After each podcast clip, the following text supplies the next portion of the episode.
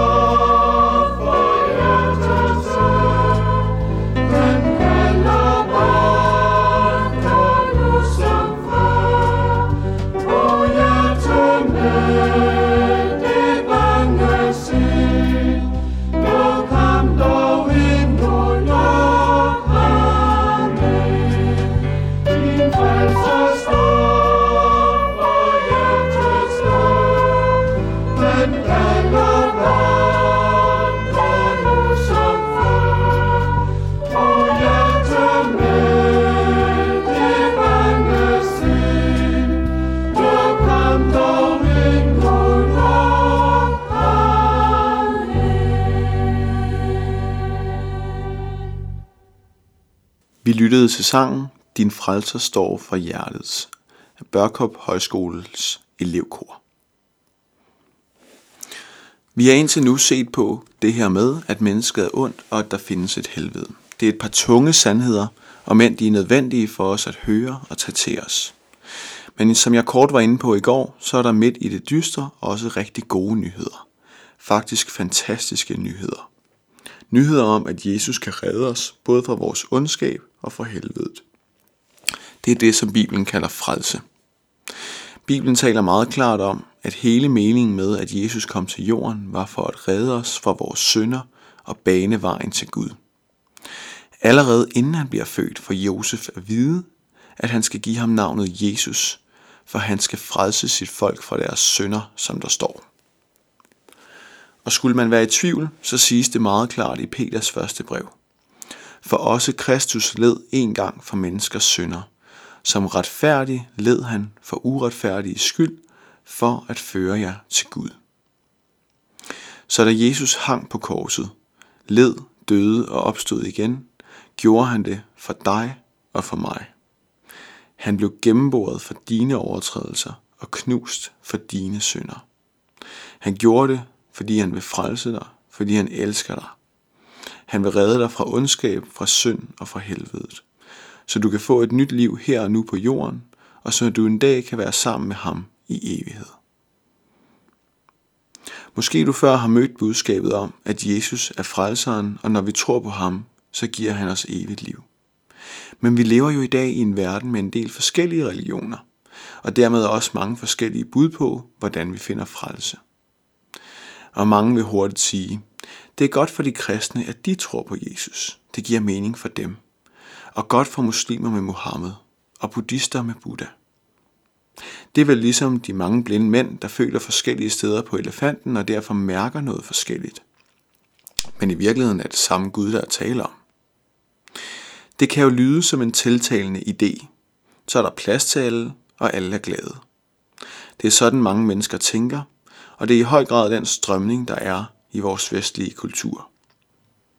Problemet er bare, at Jesus siger noget helt andet.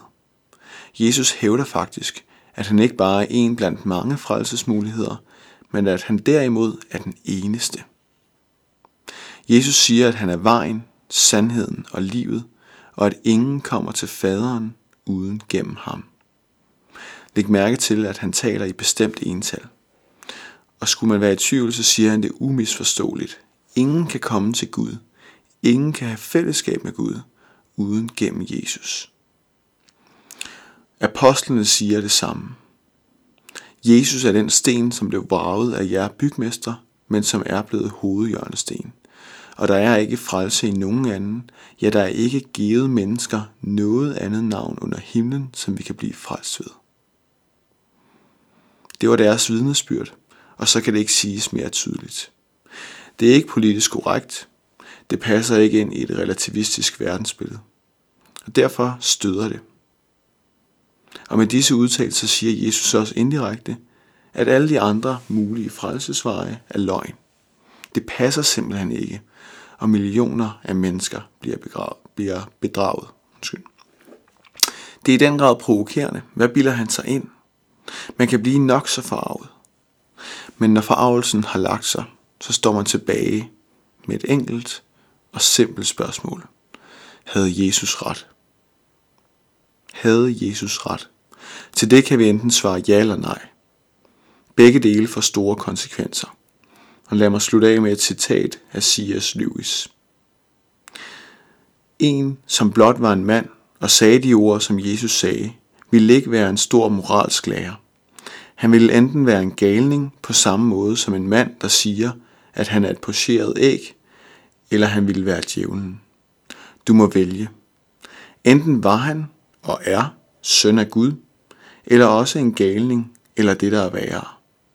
Du kan lukke ham af som en tosse, eller du kan falde ned for hans fødder og kalde ham herre og Gud.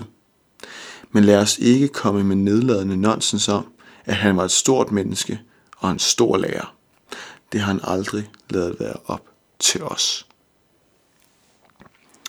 Vi skal nu lytte til sangen Der er liv i et blik af Torkild Højvig.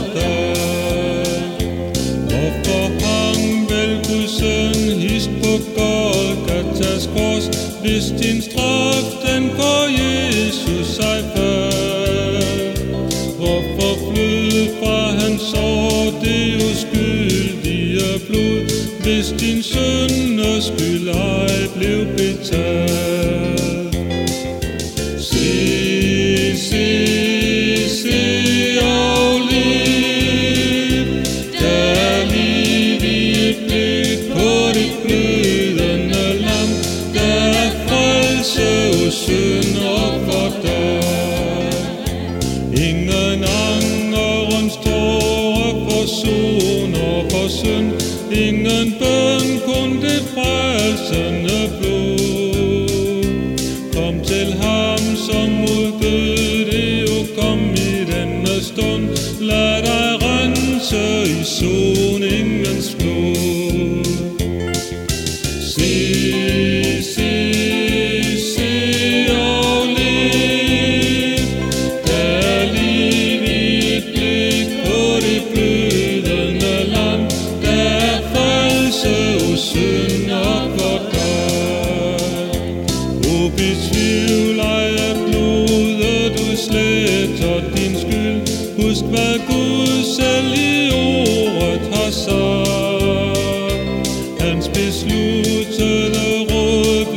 Sønnen fuldført, alt er gjort og forsoning fuldbragt.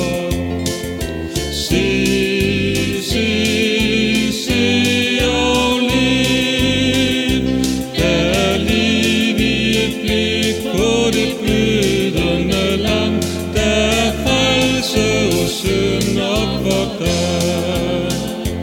Kom og tag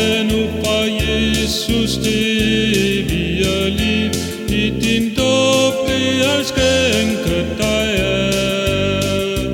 Hold kun fast ved din tro på hans udgytte blod, og bevar det og tvivl aldrig mere.